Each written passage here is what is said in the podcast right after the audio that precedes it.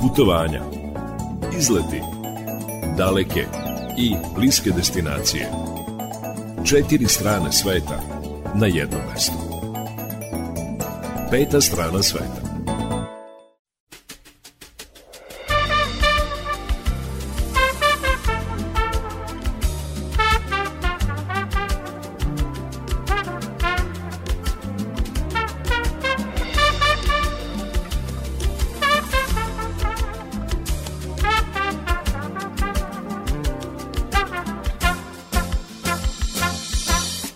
Petak je, prošlo je 16 časova i na redu je turistički magazin Peta strana sveta. Za sve vas koji volite putovanja, koji volite da otkrivate nove destinacije, imamo mi predloge gde biste mogli da odete, šta biste mogli da vidite.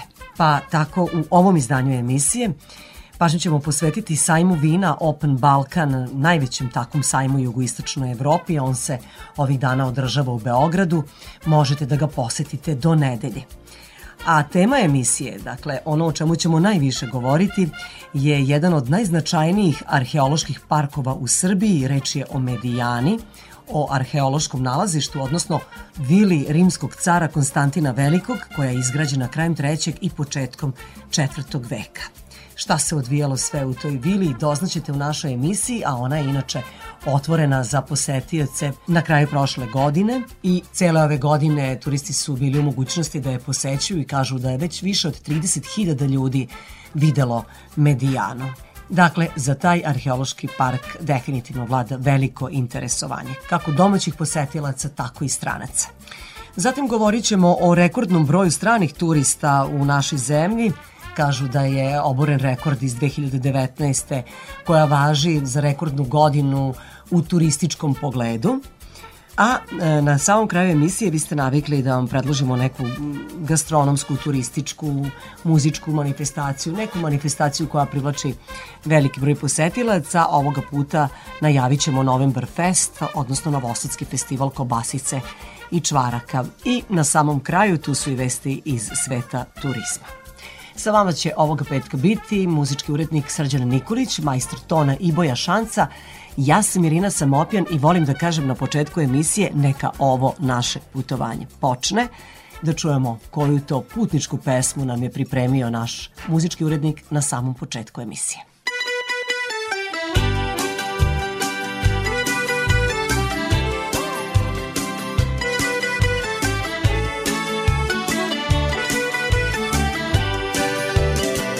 Gdje je nestao čovjek? Gdje se skrivao? Iz vagona godina na tračnice ispao. Gleda gdje su znakovi kojim putem krenuti. Može li tko reći gdje je put ka sreći? Samo živi, doći će samo i doći će kraj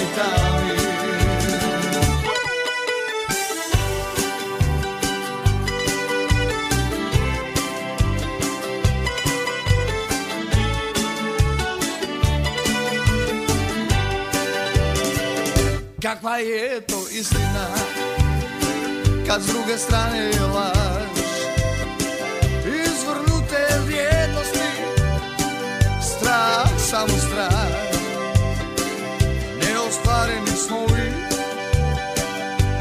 sono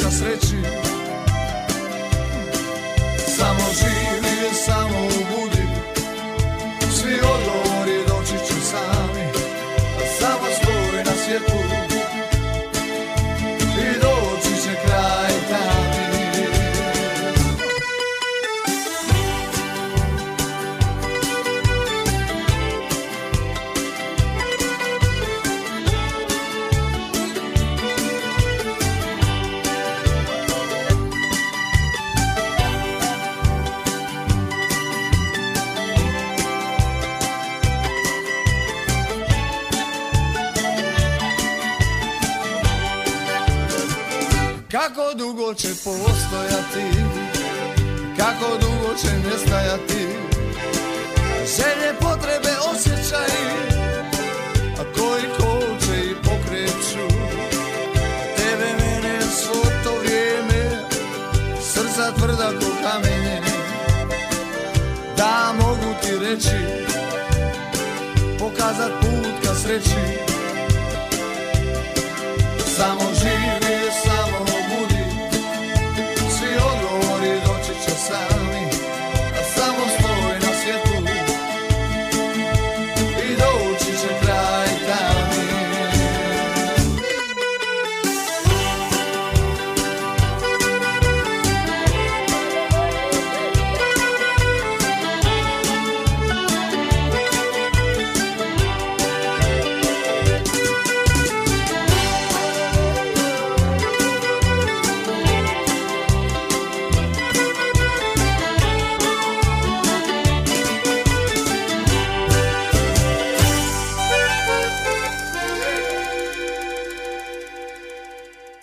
Da čujemo sada kakva je situacija na putevima u Srbiji, a potom sledi i meteorološki izveštaj.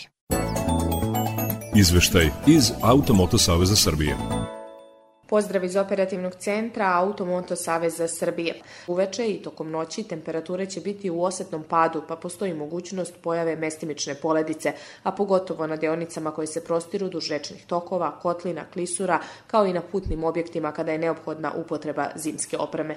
A kako saznajemo od javnog preduzeća Putevi Srbije, od danas pa do 5. decembra do 16 časova, saobraćaj će biti obustavljen zbog radova na asfaltiranju na deonici Kraljevo-Mrčevci na mostu preko Musine reke reke. Alternativni putni pravac za vreme obustave je Mrčevci, Knić, Ravni Gaj, Vitanovac, Kamidžora, Jarčujak a od juče pa do 1. decembra zbog radova na rehabilitaciji kolovoza saobraćaj se obustavlja u naselju Temerin. Tokom radova između Bačkog gradišta i Temerina saobraćaj se odvija alternativnim putnim pravcem preko Siriga, Srbobrana, Turije i nadalje a takođe doći će do zatvaranja sporedne ulice Ive Lole Ribara koja se u zoni radova ukršta sa državnim putem. Saobraćaj je obustavljen i na sledećim deonicama. U mestu Ođaci samo za teretna vozila u Sremskim Karlovcima, zatim na putu Bačko Dobro polje Zmajevo, Despotovo Zmajevo, pri čemu se koriste alternativni putni pravci. A produžena je obustava do 29. novembra na deonici Kučevo Petrovac na Mlavi, Melnica Kučajna. Alternativni putni pravac, tranzit iz pravca Kučeva ka Petrovcu na Mlavi je Kučevo Salakovac, Petrovac na Mlavi i Žagubica, a putnički saobraćaj Petrovac na Mlavi, Ranovac, Aljudovo, Rabrovo, Kučevo. Na magistralnom putu između Zlatibora i Borove glave u toku je obnova kolovoza zbog koje se vozila kreću neizmeničnim propuštanjem. A prema poslednjem izveštaju koji smo dobili od Uprave granične policije, trenutno nema zadržavanja na putničkim terminalima, dok se na teretnim vozila zadržavaju duže ka Mađarskoj i ka Hrvatskoj. I na kraju podsjećamo da na našem sajtu amss.org.rs u najnovijem izdanju digitalnog magazina Automotorevija namenjenog svim vozačima možete besplatno pročitati veliki broj zanimljivih, interesantnih i korisnih tekstova. Iz Automoto Saveza Srbije javlja se Nevena Damjanović, a vozačima želimo srećan put. Vremenska prognoza za putnike. Još samo da čujemo kako će vreme biti ovih dana, pa onda možemo na put, ako se nekome ide po ovako kišnom vremenu na put. Miodraže, dobar dan. Dobar dan, Irina. To je glas našeg meteorologa Miodraga Stojanovića, a prvo pitanje je dokle će ova kiša padati? Pa da, nije dugo padalo, sad odjednom preterano se što pada. A, pa, danas ovaj, u toku noći prestaje ovaj, kiša, tako da ćemo sutra imati oblačno, hladno vreme sa umerenim i jakim severozapadnim vetar koji može čak i da ima i udare olujne jačine. Mala je mogućnost da bude slaba kiša sutra, temperatura, boga mi, prilično niska. Od 4 pa do 7 stepeni. E sad, krajem dana smanjenje oblačnosti i slabljenje vetra sutra, a u nedelju, boga mi može da bude i prizemnog mraza, temperatura ostaje niska, jedino što u veći deo dana u nedelju nećemo imati kišu, ali naravno u večernim satima će ponovno biti. Da, e, pominje se i nekih minus jedan, e, neka noćna ta temperatura, valjda e, u noći kada budemo iz subote ulazili u nedelju. Pa ima tu različitih modela, uglavnom tu dalje da će biti oko nule, a ono na 5 cm iznad tla, ta, tu može da bude slabog mraza, minus 1-2. A kad je reč o planinskim vrhovima, hoće li tamo pasti prvi sneg? Hoće. Oh, Hoće, o, o, već od onih brda malo viših, pa da planina biće sneg. Da, zimske gume su obavezne ako idete o, u te naravno. krajeve, ovde kod nas još ne morate. Kada reč o prvom snegu, za mene se računa da je pao prvi sneg kad ovde kod nas padne. Kad padne tamo gde smo mi, je li tako? Mo, naravno, naravno. Hvala vam Miodraže što ste bili naš meteorolog. Evo ja ću sad reći slušalcima nešto što ne znaju. Naš muzički urednik Srđan Nikolić je bio meteorolog u vojsci. Tako da on uvek smisli koju pesmu da pusti posle vašeg javljanja. Evo ovoga puta neće na primjer biti Bježi kišo s prozora ili nešto tako. E, već s vremena na vreme kao vreme ispred nas. A može i to. To slušamo i sve najbolje želimo našem Miodragu Stojanoviću. Hvala, takođe. da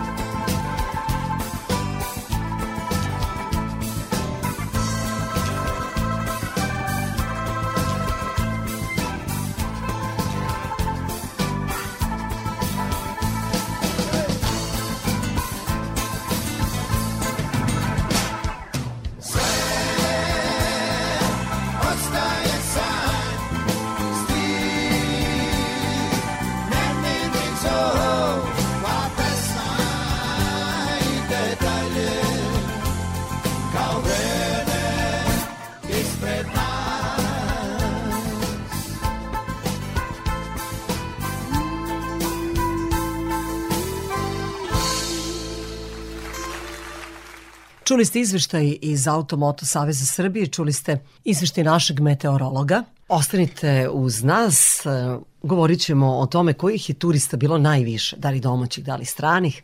Oboreni su neki rekordi ove godine i kakva su mišljenja, kakva će ova godina biti kada reč o turističkom prometu, hoće li biti najuspešnija do sada, dakle govorit ćemo o tome. A posle toga čućete i šta sve možete da vidite i okusite na sajmu vina Open Balkan.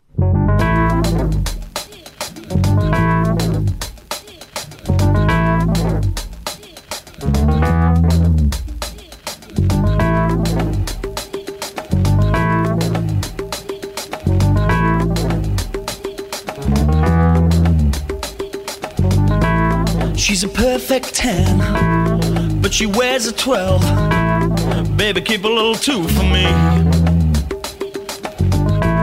She could be sweet 16, busting out of the seams. It's still love in the first degree. When he's at my game with a big fat A, you wanna see the smile on my face. And even at my door with a poor, poor four, there ain't no man can replace. Cause we love our love different. I love her body, especially the lies. Time takes its toll, but not on the eyes. Promise me this, take me tonight. If he's extra large, well, I'm in charge. I can work this thing on top.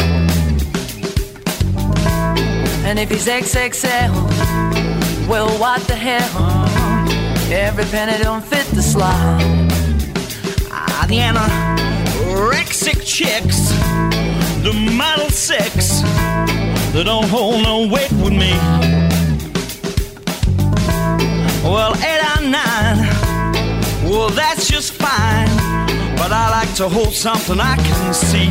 Sweet love, I love different sizes. I love her body,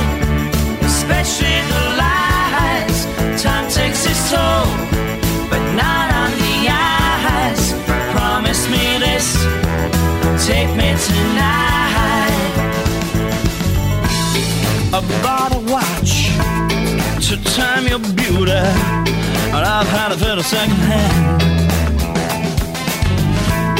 I bought a calendar, uh-huh. and every month uh-huh. is taken up by love man.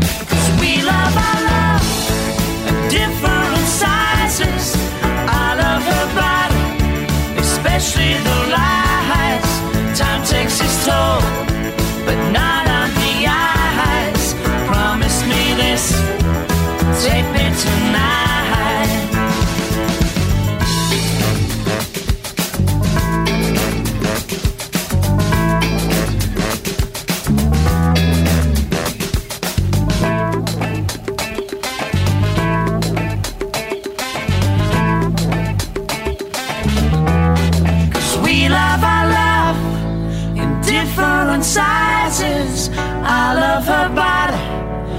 Especially the lies.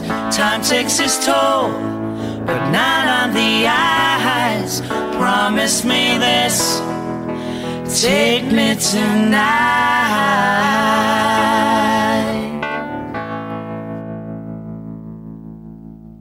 Turistički magazin na Radio Novog Sada. Peta strana sveta. Prvi put od 2019. godine u Srbiji je zabeležen veći broj stranih turista od domaćih i to za 24% za 9 meseci. Najviše ih je bilo iz Rusije, Turske, Kine, Nemačke, kao i iz zemalja regiona. Osim gradova, strani turisti koji dolaze u našu zemlju vole da posećuju naše banje i planinske centre. To kaže direktorka Turističke organizacije Srbije Marija Labović. Kada su inostrani turisti u pitanju, preko 60% se odluči za boravak u Beogradu i Novom Sadu. Takođe su vrlo zainteresovani za Zlatibor, za Niš, za Kragujevac, za Suboticu, za Kopaonik. Kada su banje u pitanju, Vrnjačka banja beleži najveći broj inostranih turista.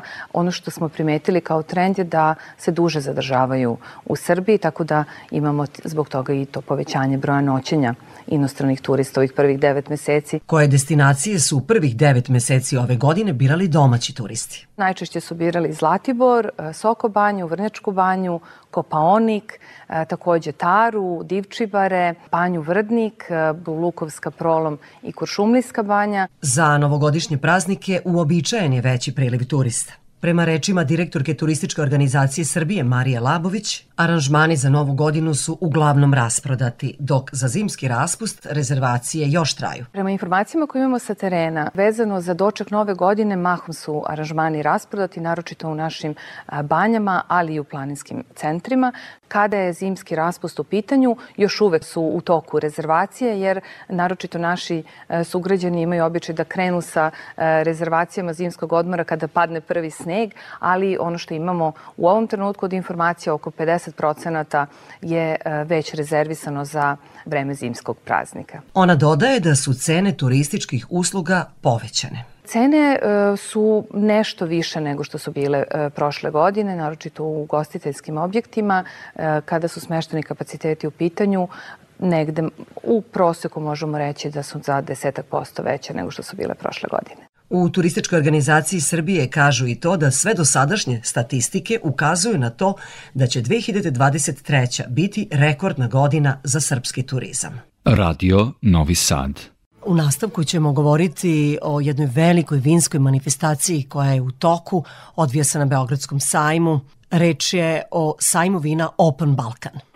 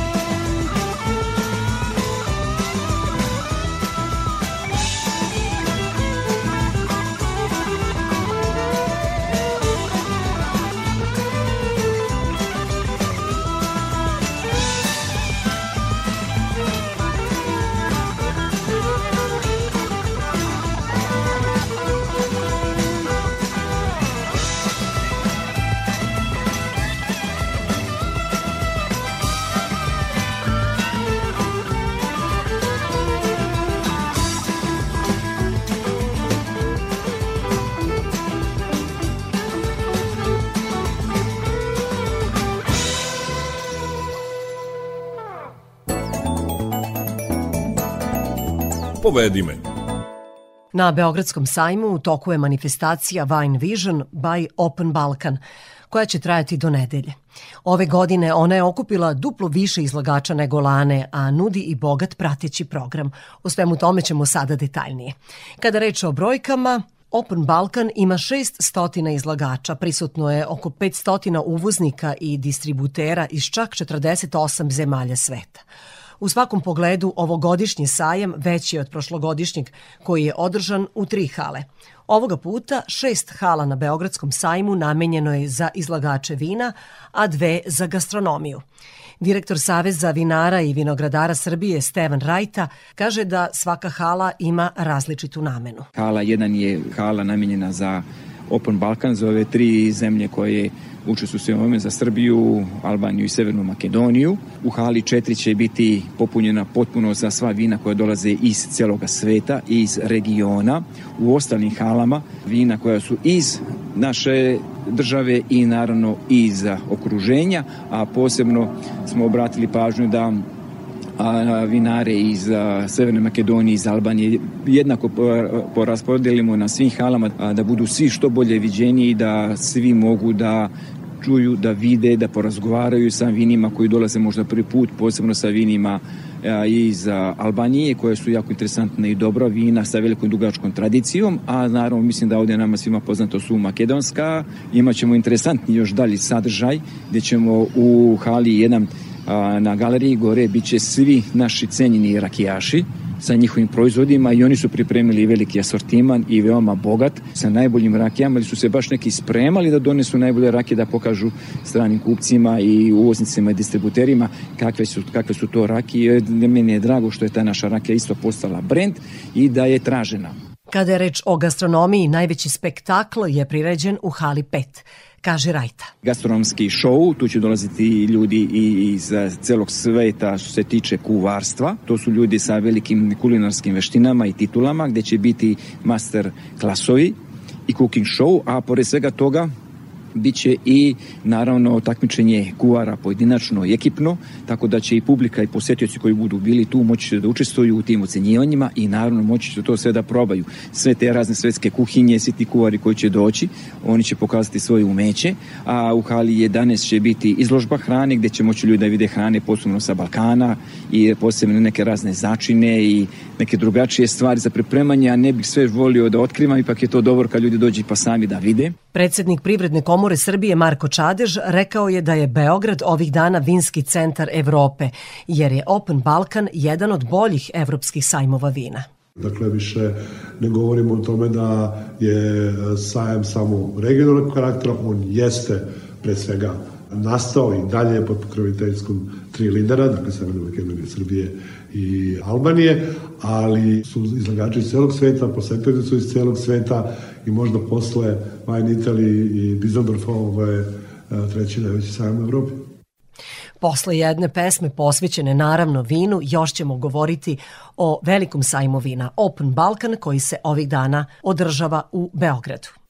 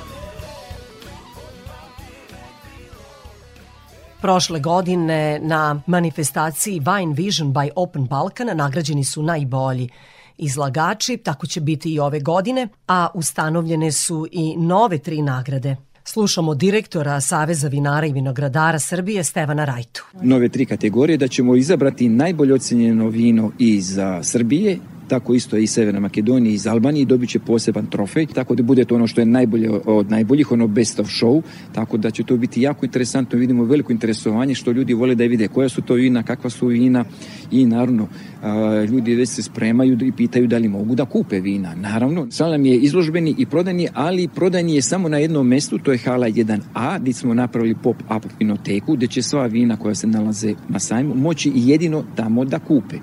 Ovim samo putem želim da skrenem jednu malu pažnju da nikako neće biti prodaja na štandovima gde se nalaze naši izlagači, gde su njihovi proizvodi, njihova vina.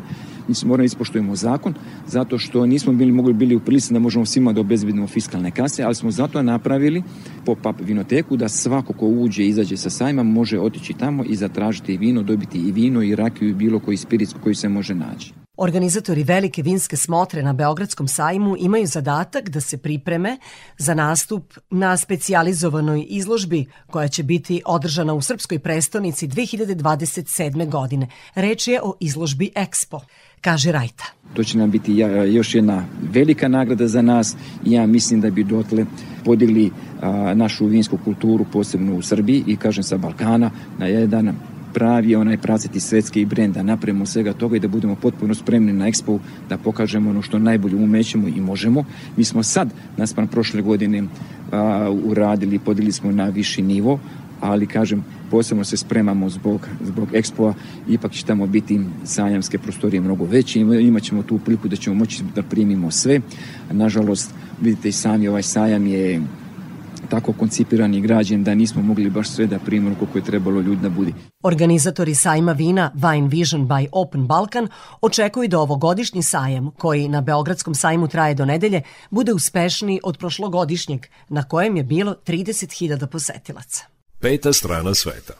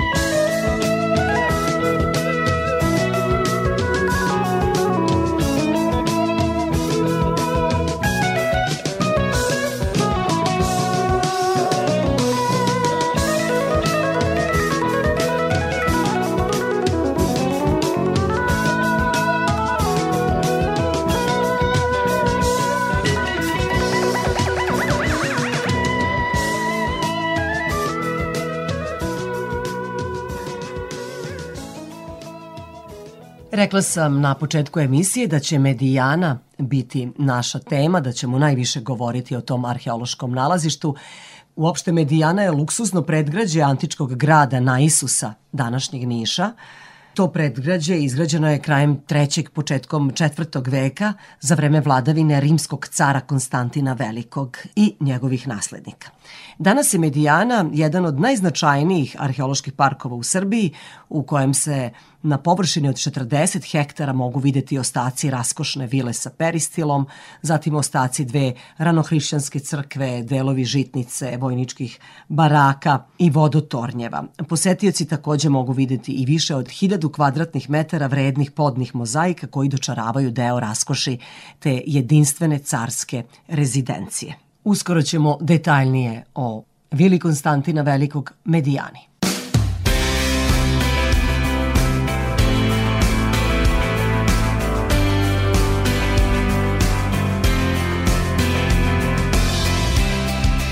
Tutti questi anni io non smetto di guardarti, qualche volta ancora bocca aperta. Non finisco di capire, non finisci di stupire, come non dovesse mai finire. Non nascondermi i difetti, mentre a me piacciono tutti, ma non te lo vuoi sentire dire. Ti guardo mentre sogni, mi tocca stare fuori, e mi tocca solo indovinare. Dopo tanti anni un giorno, quando il mare sembra calmo, vieni fuori ancora tu.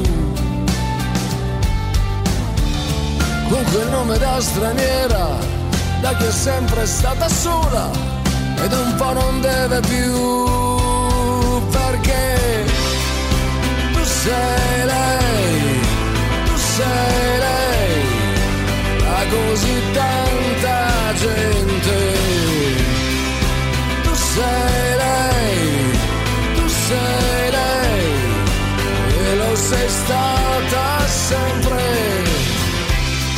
Quegli occhi li conosco, li ho visti spesso nudi, non si vedeva mai la fine il tuo cuore accelerato, le pupille dilatate, e non mi restituisci il cuore. Dopo tanti anni un giorno, quando il vento sembra fermo, vieni fuori sempre tu. Con quel nome da straniera, da chi riesce a stare sola, ma da un po' non deve più, sei lei, tu sei lei, tra così tanta gente.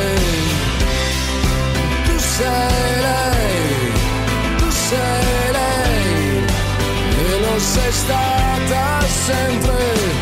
Se l'universo intero ci ha fatto rincontrare, qualcosa di sicuro vorrà dire. Sei lei, come sei, inesorabilmente, e mi hai salvato tante volte da qualche tipo di altra morte, andando dritta sulla verità.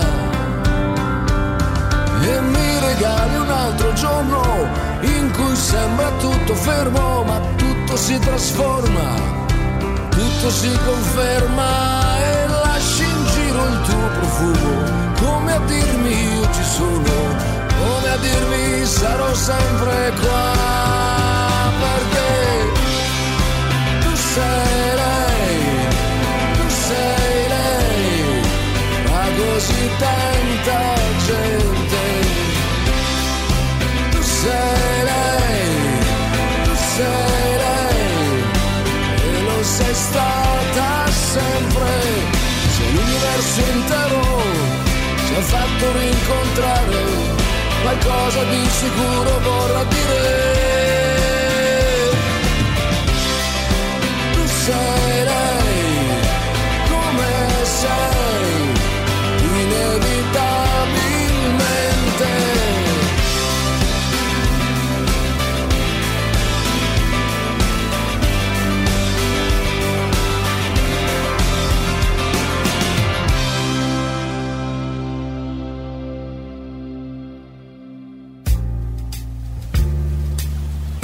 Turistička razglednica.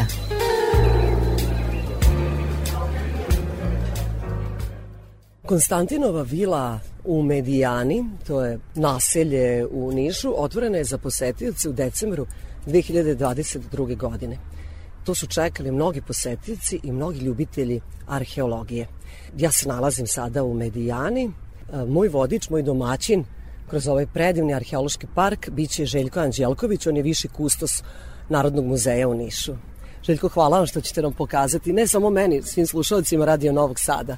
Dobar dan i evo, dobrodošli ovako virtualno na Medijanu i dobrodošli u Konstantinovu vilu. Nadam se da ćete uživati. Evo, vraćamo se u četvrti vek i vraćamo svoju epohu Konstantina Velikog. Kraj trećeg, početak četvrtog veka, tada je građena vila sa peristilom. Na velikom prostoru je to bilo izgrađeno. Tako je, ovo je prostor koji se to nalazi od centra Niša na nekih 5 km na putu ka Niškoj banji, eto od tog kraja 3. 4. veka, sve negde do 20. veka, mi zapravo nismo znali kakvo blago ovde imamo. Prva arheološka istraživanja počinju 30. godina minulog veka i od tada u kontinuitetu, dakle više od 80 godina, mi se bavimo medijanom i sada je zaista onako prikazana sva lepota iz doba Konstantina Velikog i njegovih sinova. Treba reći da je Medijana bila aktuelna, živa, puna života sve negde do sredine petog veka, do Huna, negde 441. godine, oni tada dolaze i nažalost uništavaju Medijanu. Pored tih antičkih slojeva koji su najznačajniji, najbitniji na Medijani se nalaze i praistorijski slojevi i srednjovekovni, ali oni prosto po značaju nisu toliko veliki koliko je to, taj pokretni materijal nije toliko a, značajan koliko je to materijal iz doba antike Medijana je nepokretno kulturno dobro od izuzetnog značaja, tako da je važno ne samo za Niš, već i za čitavu Republiku Srbiju.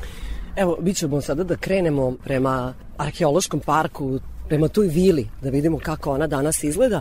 Ona je zapravo bila otvorena za posetioce i pre tog 27. decembra 2022. godine, a arheolozi su radili na otkrivanju mozaika. Tako je zapravo na, na njihovoj sanaciji, na njihovoj konzervaciji. Sa nekim kratkim prekidima zapravo je e, bilo zatvoreno skoro 10 godina. Bilo je otvoreno na momente kada su bile neke zvanične delegacije samo delovi toga mogli su da se vide. Prvo, zapravo otkrivanje Medijane je bilo za Vidovdan 1936. godine kada je podignuta stara zgrada muzeja na Medijani koja je i danas aktualna u smislu da je obnovljena i da se danas tu nalazi savremena postavka, ali za njih deseta godina to prosto se radilo, pripremalo ovo što danas imamo prilike da vidimo. Imamo prilike da vidimo zaista svu lepotu, kao što sam već kazao iz doba Konstantina Velikog. Važno je za posetioce da se osete pre svega sigurno, da se osete na neki način ispoštovano, dakle ako su platili ulaznicu da imaju već šta da vide, da ih ovde sačekaju vodiči, da ih ovde sačekaju info table. Znate, kao i na svim arheološkim nalazištima sveta, tako i ovde u Medijani nema klasičnog vođenja, osim za najavljene grupe, već stoje infotable, gde vi svakako možete da pročitate o čemu se radi, gde se nalazite na srpskom i na engleskom jeziku i to je jako važno, obzirom da je veliki broj turista.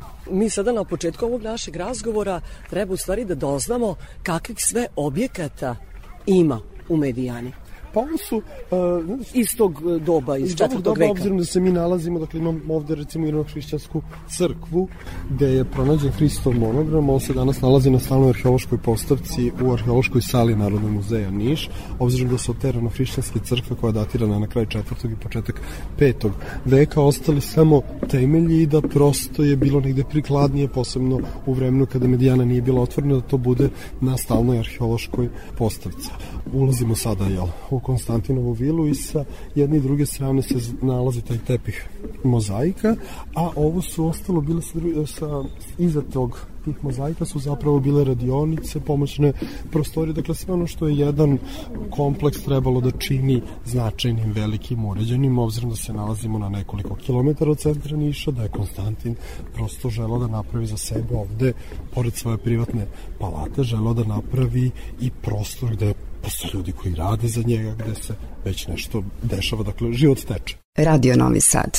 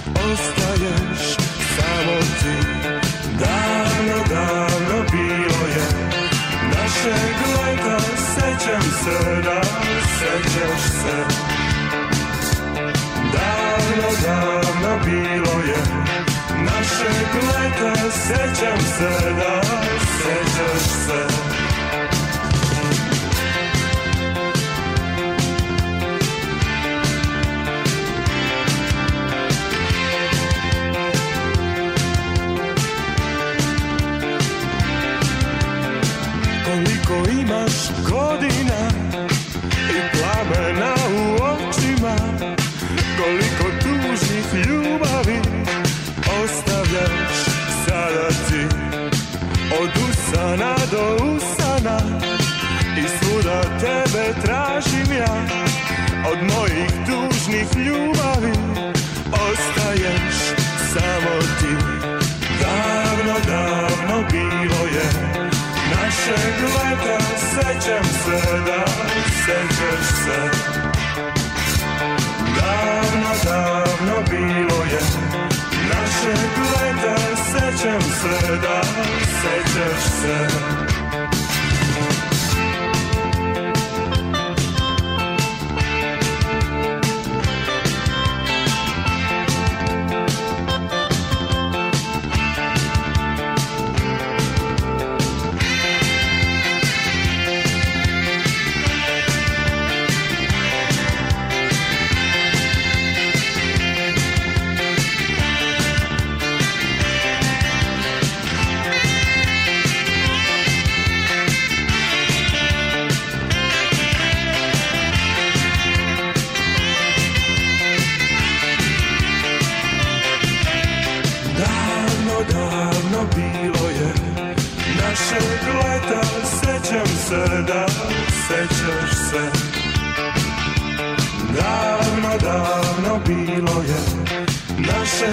leta Sećam se da sećaš se. Davno, davno bilo je našeg leta Sećam se da sećaš se. Davno, davno bilo je našeg leta Sećam se da sećam se. Davno, davno bilo je našeg leta Sećam se da sećam se Davno, davno bilo je našeg leta Sećam se da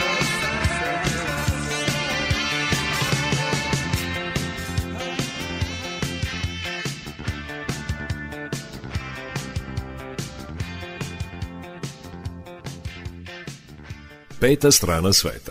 Kako se odvijao život u, u ovoj Konstantinovoj vili, u Medijani, u tom luksuznom naselju, ko je sve tu živeo, nije samo Konstantin, ali tako, već i imućni stanovnici na Isusa.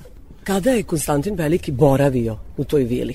Boravio tokom četvrtog veka, ne postoje baš najprecizniji podaci, nikoliko puta, nikada, samo se zna da je njegova osnovna ideja bila da svoj rodni grad, obzirom da je on rođen ovde, i tu se istoričari tačno ne, snažu, ne slažu, pominje se 27. februar, e sad, 272. 4. 6. negde čak i 278.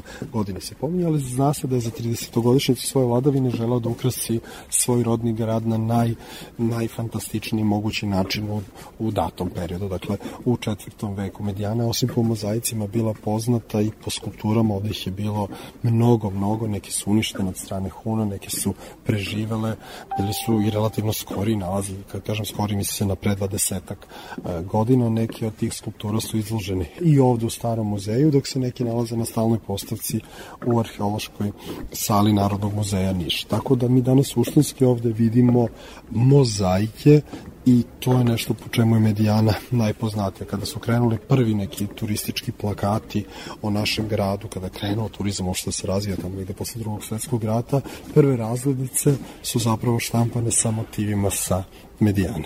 takođe zna se da je ova vila poznata po dva mozaika. Gde se nalaze ta dva glava meduze? U Da, bome, U to centru? su u centru, to su glava meduze i a, leda. Evo, ovdje ćete moći da vidite, dakle, to su mozaici koji su a, leda i Zevs i meduza, to su mozaici koji su, naravno, originalni, koji nisu rekonstruisani, samo su konzervirani, dakle, nije se radila rekonstrukcija kako bi mi imali celovitu sliku, već je prikazano ono što je pronađeno. Dakle, taj arheološke istraživanja koje su krenula 30. godina prošlog veka su nam otkrila sve ovo. Iznad prvog mozaika koji je pronađen, to je e, Stibadium A ili Banket Soba A je podignut taj stari muzej ispred koga se mi danas nalazimo, podignut u stilu antičkog hrama, danas rekonstruisan sa drugačijom postavkom unutra sa podom koji je od tako da mi suštinski prelazimo preko svih tih mozaika. Oni su bili uglavnom floralnog karaktera, bilo je tu i prikaza nekih životinja ili je bilo prikaza nekih ptičica ili je bilo prikaza kao nekih leptira, dakle bilo je svega. Zapravo oni su u to vreme slikali na mozaicima, mozaicima prikazivali, slikali figurativno. Naravno, sve ono što su videli u svojoj neposrednoj okolini. Ovde se nalazi te čuvene svastike sa medijane, evo tamo se vide ti simboli koje je kasnije Hitler okrenuo krake i zloupotrebio tokom drugog svetskog rata kao nacistički simbol, a zapravo je to simbol poznat još od praistorije i govori o, kao simbol sunca, simbol kontinuiteta, dakle pada noć, ali se rađa novi dan i tako zapravo jel smenjuje se dan i noć i postoji kontinuitet u svemu, tako da eto tih tih um, Evo, tih svastika ima veoma mnogo ovde na mozaicima. Ima, tako ih ima ih svuda su prisutni kao što su ti floralni motivi prisutni puno toga se zapravo da videti. Uh, meduza je nešto što je vjerojatno najpoznatije najspektakularnije. Ona je uglavnom dosta dobro očuvana od leda i Zevsa imamo samo jedan deo mozaika koji je sačuvan. Zev se vidi od leda su sačuvane samo deo njene suknje i dole osnov dakle gde su uh, njene noge ali eto prosto je su ljudi odlučili da to ostane tako originalno, dakle da se ne radi rekonstrukcija. U starom muzeju... E, sad ajde sad, evo, da- predlažem sada da, da uđemo u stari muzej da vidimo kakva je postavka.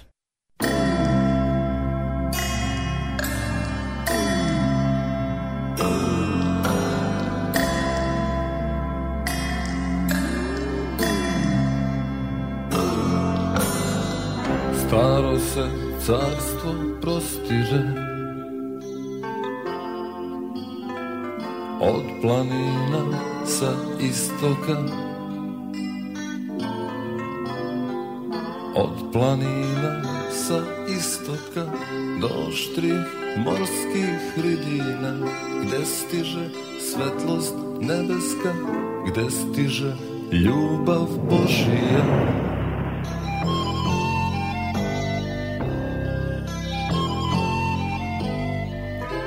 Čuvari dalekih granica. Javljaju preko glasnika južna plemena ratnička su stigla ispod zidina i sve je više varvara a sve je manje rimljana. Polazim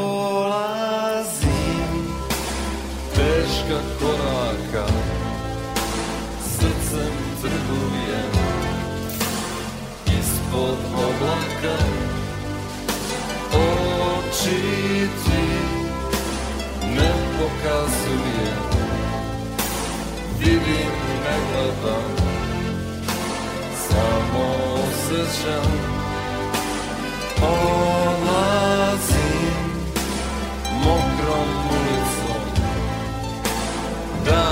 protekle Pišem gumicom Trudim se Da se ne sećam.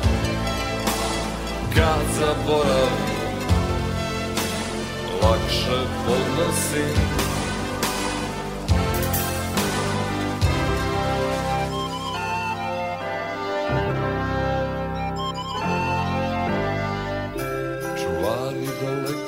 granica javljaju preko glasnika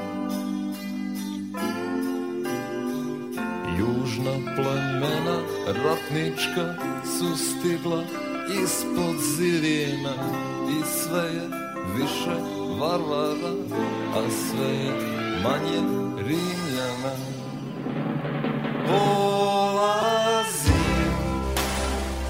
Teška koraka, srcem trguje ispod oblaka. Oči ti ne pokazuje, vidim, ne gledam, samo osjećam. Odlazim mokrom ulicom, protekle, brišem gumicom.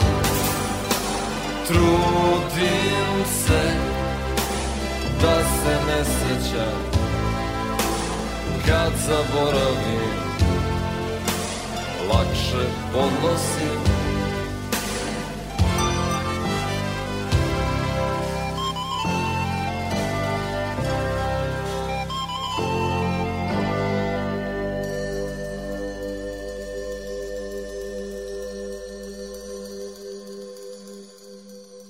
Tema ove emisije je vila Letnikovac Konstantina Velikog, rimskog cara, koja je izgrađena krajem trećeg, početkom četvrtog veka.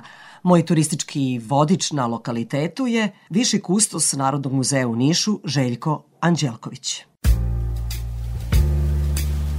Turistička razglednica.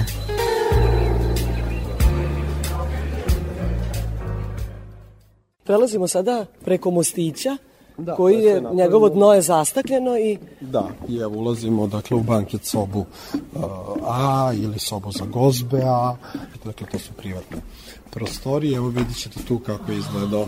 ovde je predivno. Da. I opet imamo to stakleno dno, ispod naših stopala su mozaici. Tako je. Tu imamo mozaike, tu se vidi i ostaci cevi koje su služile za grenje, obzirom da Konstantin Veliki u svoje doba, dakle u četvrtom veku ovde imao vodu koja je dolazila iz pravca Niške banje, bilo je tople i hladne vode, dakle bilo je ovde, vidjet ćete ostatke ložišta, evo jedan čitav tepih tamo se nalaze sa, ponovo sa svastikama, pa onda imamo centralni veliki mozaik još jedan, dakle ovo su tri sobe, možemo reći triklinijum, u centru ovog eh, mozaika, odnosno ove sobe se nalazila fontana, taj žubor vode je između ostalog služio da se ne čuje dovoljno dobro, jel kao neka vrsta izolacije šta pričaju ovi u prvoj, drugoj ili trećoj prostoriji, osim toga naravno ima i estetsku funkciju koja je bila veoma važna, evo ovde vidite mozaike da je ono tamo kao neka buba ili neki leptir, prosto vidjet ćete kad tamo prođemo jedno divno neko cveće, neki ljiljani ili, ili neke kale, prosto jako je jako lepo i zadivljujuće šta su zapravo ljudi znali da naprave tokom četvrtog i petog veka. Ovde se nalazi kopija glave Konstantina Velikog, jedna od prvih kopija, obzirom da se original nalazi u Nacionalnom muzeju Srbije u Beogradu. Glava je otkrivena 1900. godine u koritu reke Nišave kada se radilo na zgradi Tvrđavskog mosta. Mi smo muzej koji ima 90 godina, dakle nismo tada postojali, tako da glava nije mogla da bude u Nišu, a samim tim i kao nacionalno blago i treba da bude u Narodnom muzeju Srbije u Beogradu za sve ljude koji nisu istoričari umetnosti suštinski ne postoji neka velika razlika, dakle ovo je veoma, veoma verna kopija, pretpostavlja se da je bila deo neke velike statue koja se nalazila u centru grada Niša, na današnjem centralnom gradnom trgu kralja Milana, ali suštinski mi o tome nemamo neke zvanične podatke, dakle ovde izložena je jedna od prvih kopija, ovde se pominje na ovim plakatima, vidite Convivium, to je bila, kako je ovo banket sala, u, u tim banketima je jako bila važna zabava i morali ste da zadovoljite i telo, ali i duh, dakle bilo je uživanja ovde u svim čulima. Da, evo piše hrana i piće. Hrana i piće koji su služeni bili, nisu bili namenjeni- namenjeni samo da zasite goste, već bili su deo spektakla. Tako je, dakle, trebalo je da se uživa, da sva čula uživaju od devojaka, mladića, svega onoga što je bilo, što je vezano konačno za razvrat, za sve. Za rimski to, period. Tako da. je, sve se to odigravalo i ovde u antičkom najsusu i to je bilo nešto tipično e, van ove konstrukcije koja je sagrađena su i ostaci termi, terme su bila kupatila privatna ili javna, da su bili privatne terme Konstantina Velikog, ali i gosti koji su dolazili, tako da sve prosto odigravao se život onako sa puno krvi, da tako kažem, dakle u punom smislu te reči, nekome se to svidelo, nekome ne, ali eto mi možemo samo da zapravo naslutimo kak, kakve su to možda čak i bahanalije bile i kako su zapravo, šta znači za njih uživanje u tom nekom smislu. Radio Novi Sad.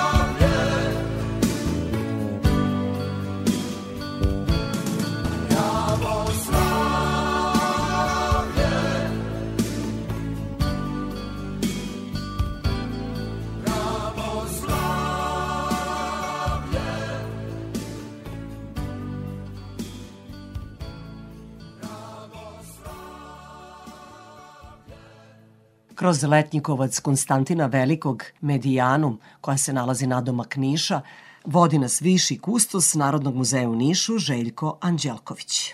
Peta strana sveta. Željko, da li imate neku maketu kako je Konstantinova vila nekad izgledala? Maketa se nalazi u, na stalnoj postavci u arheološkoj sali, e, gde je isto jedna kratka priča o Medijani. Recimo, tamo se nalazi statua Dea Dardanije, to je zaštitnica porodice i dinastije Konstantina Velikog i njegovih sinova. To je jedna od tih velikih mermernih skulptura original koje se i danas nalaze na stalnoj postavci i tu se nalazi maketa da ljudi prosto da im to bude na neki način i poziv Ovde imate statue, dakle, originale koji su pronađeni na Medijani. Rekao sam da je Medijana bila poznata i po velikom broju statua i ovaj deo, dakle, ovaj prvi muzej koji je podignut 36. otvoren 28. juna, dakle, na Vidovdan i zapravo je od 36. u kontinuitetu postoji turizam na Medijani. E, rekli ste da dolazi mnogo turista, dolaze li školske ekskurzije, organizovane posete? Dolaze, dolaze. Pa Niš ima tu sreću da je na raskrsnici puteva i svako ko krene put Grčkog, Crnogorskog ili Albanskog primor ili Turske prolazi kroz Niš.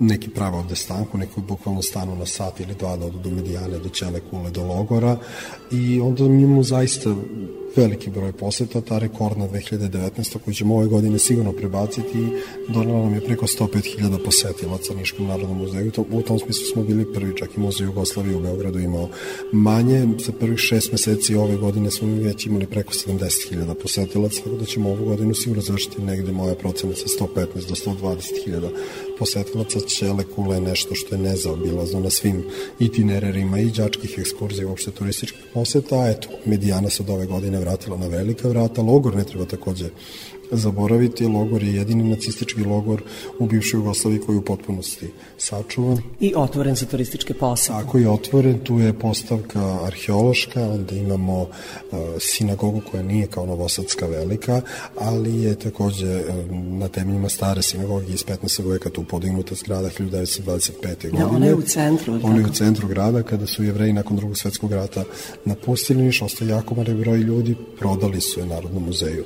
Niš sa klauzulom da se koristi u kulturno-umetničke svrhe, tako da je to danas naša galerija koja se koristi za povremene izložbe, dakle za gostujuće, za naše izložbe koje nisu stalne, za koncertno uopšte za umetničke performanse. I imamo deo koji je posvećen velikanima a, pisane reči, to su Stevan Sremac i Branko Miljković, dakle jedan je bio Nišlija, mislim da Branka Sremac nije bio iz Niša, ali je najlepše pisao o Nišu i da ga pre, predstavio na najdivniji mogući, da. tako je, na najdivniji mogući način, njihova zastavština se nalazi u, u našem je vlasništvu, jel nešto je donirala porodica, nešto je došlo otkupom, nešto prijatelji, tako da Niški muzej ima zaista dovoljno posla, dovoljno posetilaca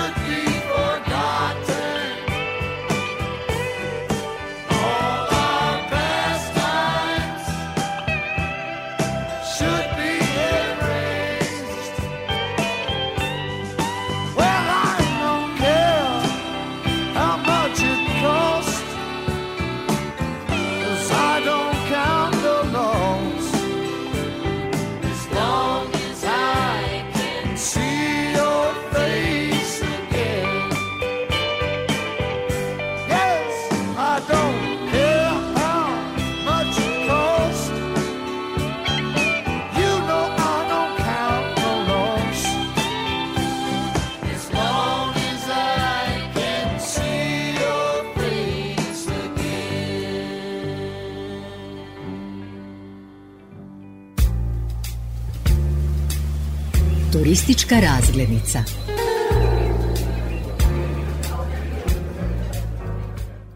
Videli ste sad kad hodamo kroz medijanu da... Non stop dolaze se- posetioci. Da. Konstantno se ljudi... Domaći posetioci, da, a stranci iz kojih zemalja dolaze? E, Pa stranci dolaze, kako vam kažem, e, recimo za Ćele kluba mogu reći da ima od Novog Zelanda do Japana i Latinske Amerike. Iz čitavog sveta, posebno se to vidi po ovim aviolinijama koje idu sa Niškog aerodroma Konstantin Veliki, eto i on je nazvan jel, po velikom Nišliji, dakle to su linije koje idu za Nemačku, koje idu za Švedsku, koje idu za Italiju i tako dalje, dakle ima puno i tih ljudi, dakle najviše ima naravno sa našeg kontinenta, sa, iz Evrope, ali verujte mi da se nekad zaprepastite kad čujete odakle su ljudi, kada pitate, dakle imate posetioce zaista sa svih strana i ljudi se jako zadovoljni vraćaju, to vidimo odlaz zapravo sa e, iz Niškog muzeja, to vidimo i po knjizi utisaka i po komentarima koje dobijemo putem maila ili putem društvenih mreža. Evo za sam kraj da kažemo u koje vreme je Medijana otvorena za posetioce. Dakle, svi objekti Narodnog muzeja Niš i generalno svi muzeji iz Srbije i sveta ne rade ponedeljkom. To je jedan jedini dan To kada, znamo, se, da. kada se ne radi. Dakle, od utorka do nedelje Medijana radi od uh, utorak, petak od 10 do 16, a vikendom od 10 do 15 časova. Poslednji ulaz je pola sata pre kraja rada. Radi se projekat noćnog osvetljenja ovde ispod konstrukcije, tako da bi najkasnije od proleća, mi se nadamo i ranije, to radno vreme će biti produženo, kako bi bili ovde i večernji obilasci. Evo mi smo za dan grada Niša, dakle to, su, to je praznik u, u pravoslavnom kalendaru svetih cara Konstantina i majke mu Jelene, 3. jun. Mi smo ovde imali proslavu po prvi put gradske slave. Bio je veliki koncert ovde ispod konstrukcije, jako je dobovala kiša, ali on je bio takav kakav je bio. Bilo je fantastično, jako je dobra akustika.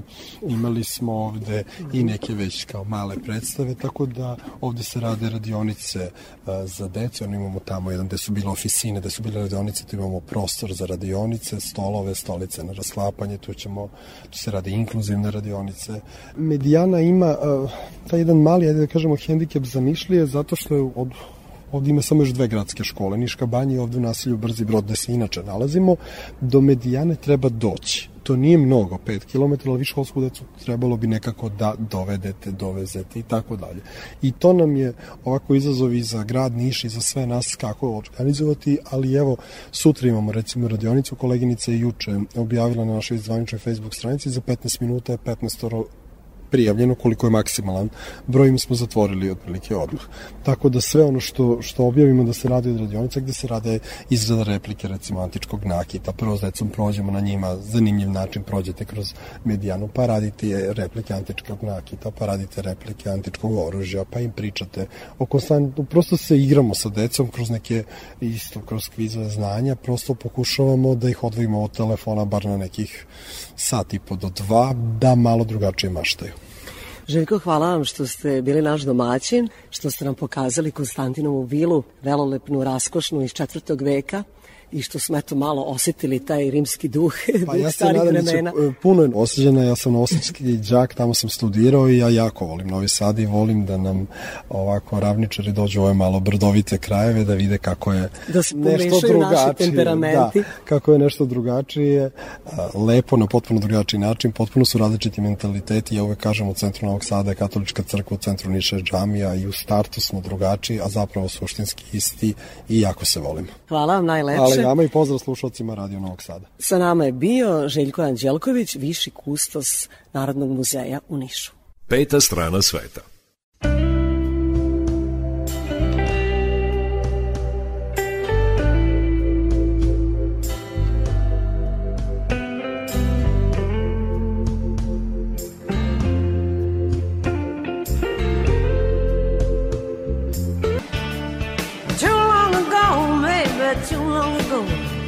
Your crooked smile was driving me wild. The things we had together, baby, they belong to the past. Uh-huh. The things we had together, we knew they never could last.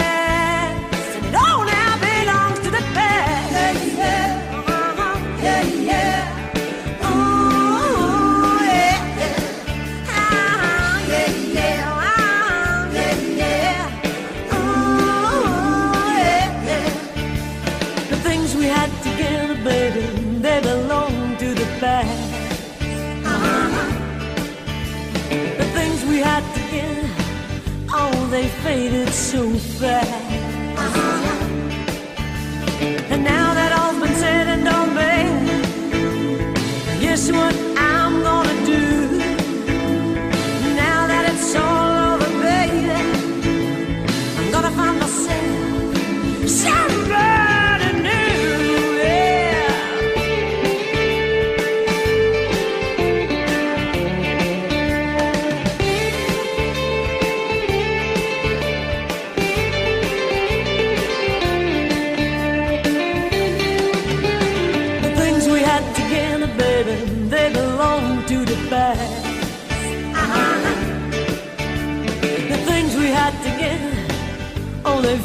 faded so fast.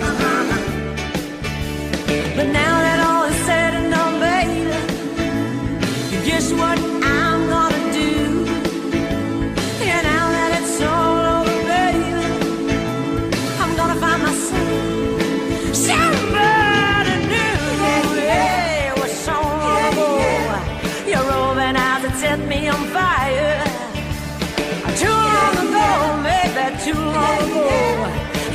It was a driven me wild.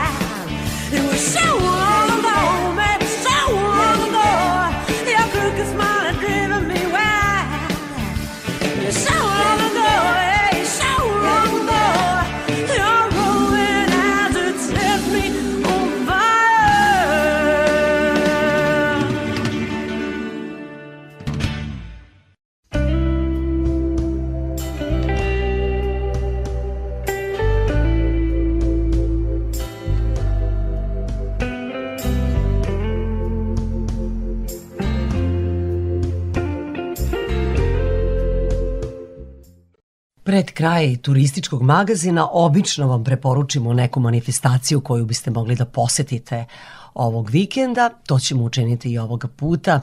Jedan gastronomski festival biće održan u Novom Sadu. Ostanite uz nas da čujete o čemu je reč. Hey,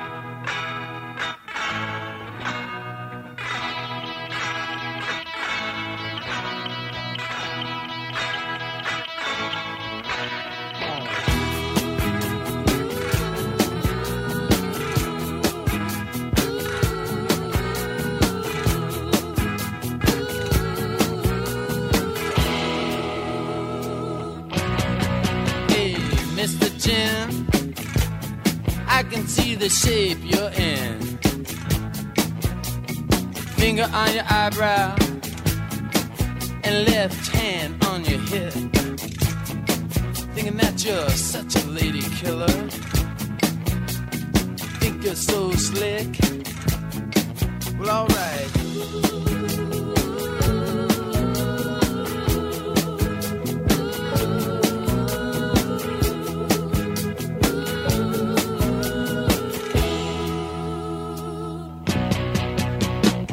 brother Johnny. He caught a plane and he got on it. Now he's a razor in the wind, and he's got a pistol in his pocket. They say the man is crazy on the coast.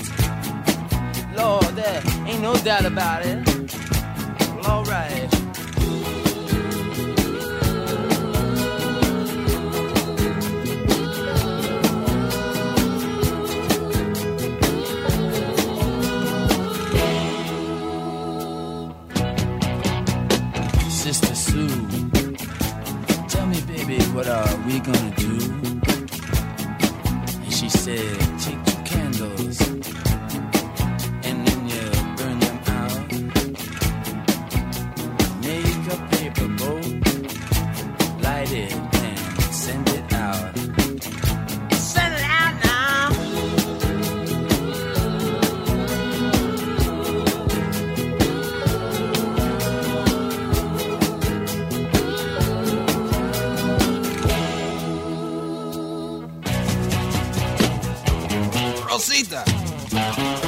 ¿Dónde vas con mi carro, Rosita? Usted sabe que te quiero, pero usted me quita todo. Ya me robaste mi televisión y mi radio. Ahora quiero llevar mi carro. No me haga así, Rosita. Ven aquí. Eh, usted es salado, Rosita. Oh.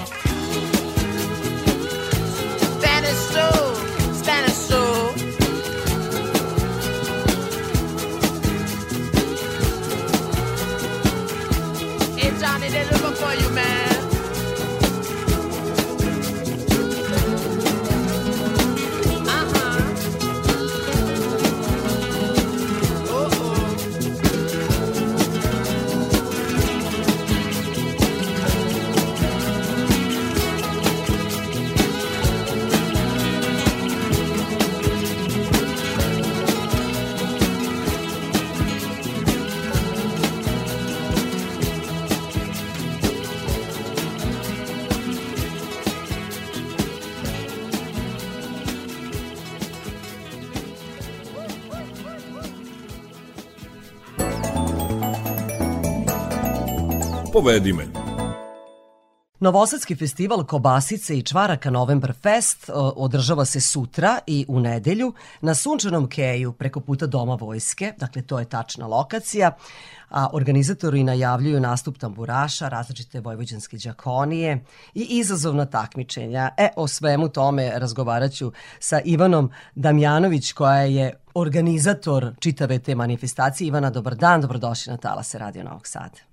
Dobar dan, pozdrav vama i vašim slušalcima. Udruženje građana Petrovaradin Medija i kompanija Color Media Communications uz podršku grada Novog Sada i pokrajinskog sekretarijata za privredu i turizam organizuju gastronomsko-turističku manifestaciju November Fest. Festival je poznat po tome što okuplja proizvođače mesa, e, suhomesnatih proizvoda, ali i ljubitelje čvaraka, domaćih kobasica, vojvođanske trpeze i kvalitetne tamburaške muzike. E, Ivana, kažite nam odakle dolaze izlagači, a odakle izvođači? Izlagači iz uh, cele Vojvodine kao i takmičari uh, u upravljanju kobasica. Tako da će biti prava onako uh, vojvođanska manifestacija. Za ovaj festival kaže se da je Međunarodni festival Kobasice Dunavske regije, a sada se održava drugi put. Da li postoji povezanost tog festivala, povezanost naših gastrodelicija sa specijalitetima drugih gradova kroz koje protiče Dunav? E, tako je, tako je. Ovaj, naravno da postoji zato što e, e, i na naš festival e, dolaze e, takmičari koji su i takmičari na ostalim festivalima kroz koje protiče Dunav. U kakvim takmičenjima mogu učestvovati posetioci? Takmičenje je u nedelju, taj dan? Takmičenje je oba dana Uh -huh. e, i e, bile su već prijave za e, ekipe koje imaju svoj recept za kobasicu i e, naravno želju za pobedom, e, tako da su e, takmičenja organizovana oba dana i subotu i nedelju od 10 do 12 časova kada će zasedati stručni žiri. I takmičit će se ekipe iz novosadskih kvartova, ali i iz e, mesta iz Vojvodine, iz Turije, znate za poznatu ovaj, turijsku kobasicu. Kako da ne, da, u Guinnessovoj knjizi rekorda. Tako je, iz Obrovca, iz eh, Bačke Palanke, iz Bačkog Petrovca, eh, tako da će biti raznih recepata i raznih kobasica koje će nakon takmičenja eh, svi posetioci moći i da degustiraju. E, to je važno. Dakle, treba da se pojede ta hrana, nećemo Tako hranu je. bacati, tamam posla. Tamam posla. Evo, ja ću Ivana samo za kraj da kažem da Novembar Fest, odnosno festival kobasice i čvaraka, svi mi možemo da posetimo od 10 do 16 časova. Sutra i u nedelju, a tamburaši, to je veoma važno za sve one koji vole zvuk tambure, tamburaši su uživo od 12 do 16, da se tačno zna. Tako je, E, mene tako samo je. za kraj zanima ta lokacija na sunčanom keju preko puta doma vojstva. Hoćete vi biti uz kej na- betonu, Ka- kako će to izgledati? To je na pešačkoj zoni, znači na ovaj, baš eh, na betonu. Tu se održavaju i čarde i bande dva puta godišnje, to je festival riblje čorbe i tamburaške muzike i November Fest na istom mestu. E pa, želim vam da vam manifestacija uspe, da sve protekne u najboljem redu, da vas posluži vreme, da ne bude kao prošlog vikenda kiša. Da, nadamo se, E, da. pa da sve bude onako kako treba. Hvala vam e, što ste govorili za Radio Novi Sad i što smo ovako zajedno informisali slušaoce. Hvala i vama i još jednom pozivam sve ljubitelje dobre hrane, kobasice i tamburaške muzike da nam se pridruže sutra i u nedelju eh, na Keju preko puta Doma vojske. Čuli ste Ivanu Damjanović, ona je organizatorka manifestacije November Fest, Novosadskog festivala kobasice i čvaraka. Peta strana sveta. Ostanite uz nas, bližimo se kraju emisije, to znači da ćete čuti vesti iz sveta turizma, a posle toga završit će se turistički magazin Radio Novog Sada.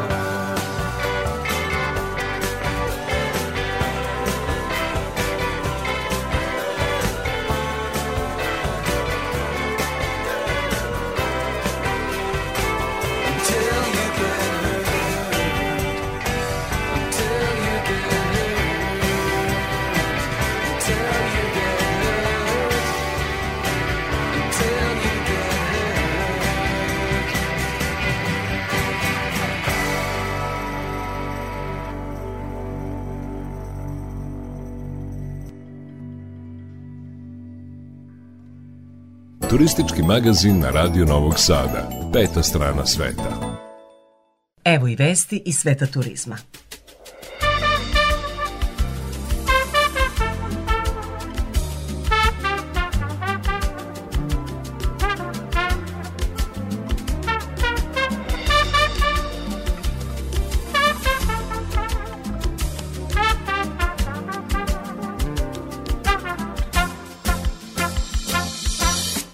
Skijališta Srbije su 1. novembra počela sa pretprodajom ski karata sa popustom od 15 odsto preko web shopa. O tome smo vas izvestili.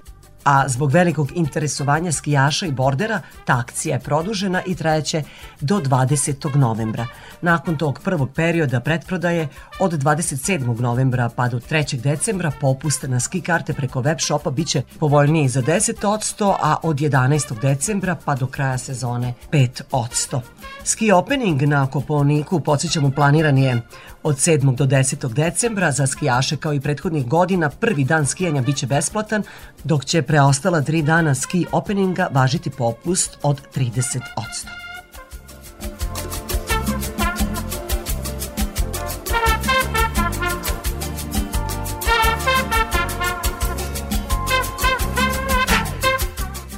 Izvor naredne vesti je Ekapija.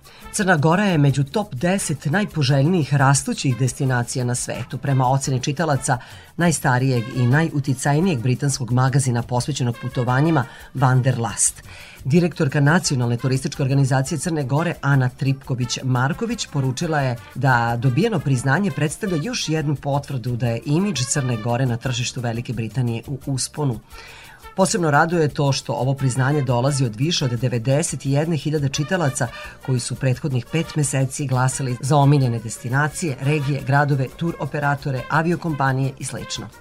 Prema njenim rečima, tom rezultatu doprinela je i marketinška kampanja koju je Nacionalna turistička organizacija Crne Gore realizovala početkom godine u saradnji sa magazinom Wanderlust, u okviru koje je kreirana posebna podstranica njihovog sajta posvećena Crnoj Gori. Wanderlust je najstariji britanski magazin posvećen putovanjima i jedan od vodećih u poslednjih 30 godina, sa posebnim fokusom na održivi turizam. Misija magazina je da objavom autentičnih putopisa, zadivljujućih fotografija i stručnih saveta inspiriše putnike širom sveta da otkriju nove destinacije.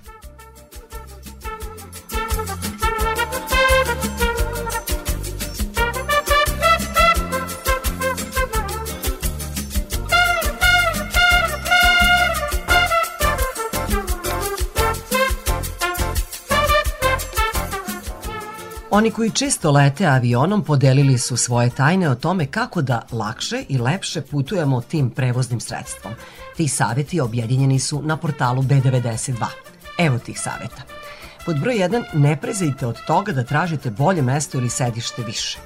Većina putnika se stidi da od osoblja u avionu zatraži upgrade sedišta koje su dobili prilikom redovnog čekiranja, međutim, to je velika greška. U većini slučajeva na svakom letu postoji makar jedno ili dva prazna sedišta koja mogu biti baš vaša, samo ako skupite hrabrost i upitate stewardessu. Pod broj 2. Ako se bojite turbulencija, rezervišite rane jutarnje letove. Prolazak kroz zonu turbulencije nije prijatan nikome, ni onima koji su naviknuti na letenje, a pogotovo putnicima koji imaju strah od tog vida transporta. Međutim, stručnjaci tvrde da se ona najčešće javlja u popodnevnim časovima, dok su rani jutarnji letovi uglavnom mirni i bez talasanja. Ovaj savet mi se najviše sviđa. Uvek idite na najdalji šalter pasoške kontrole.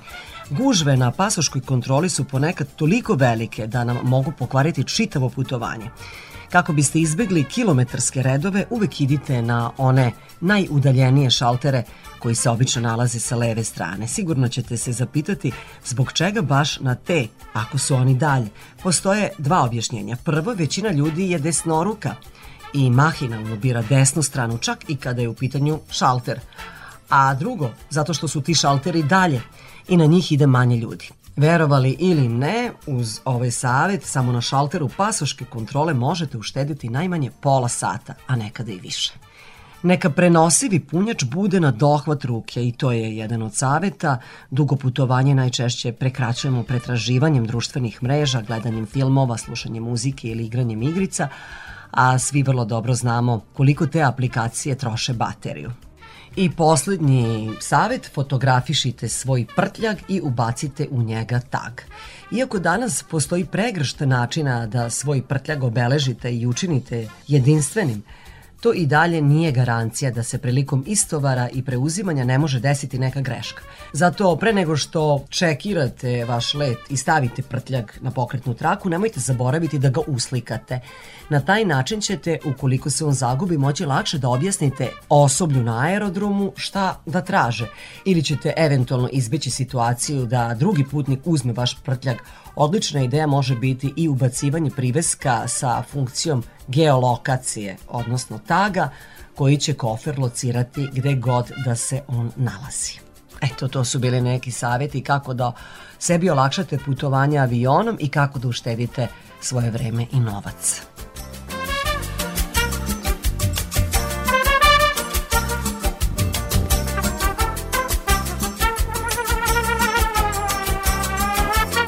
Bilo je to sve poštovani slušalci što smo vam pripremili u ovom izdanju turističkog magazina Peta strana sveta. Nadam se da ste uživali.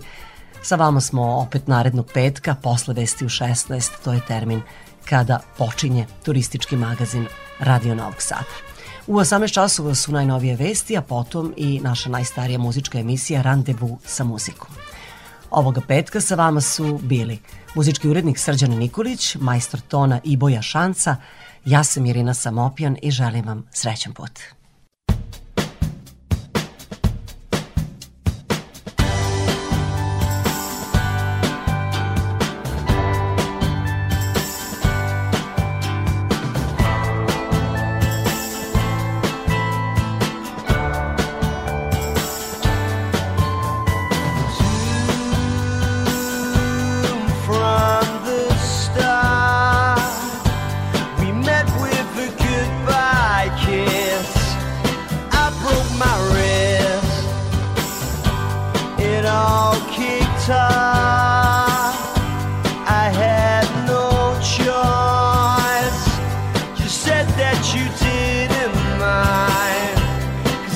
hard to find.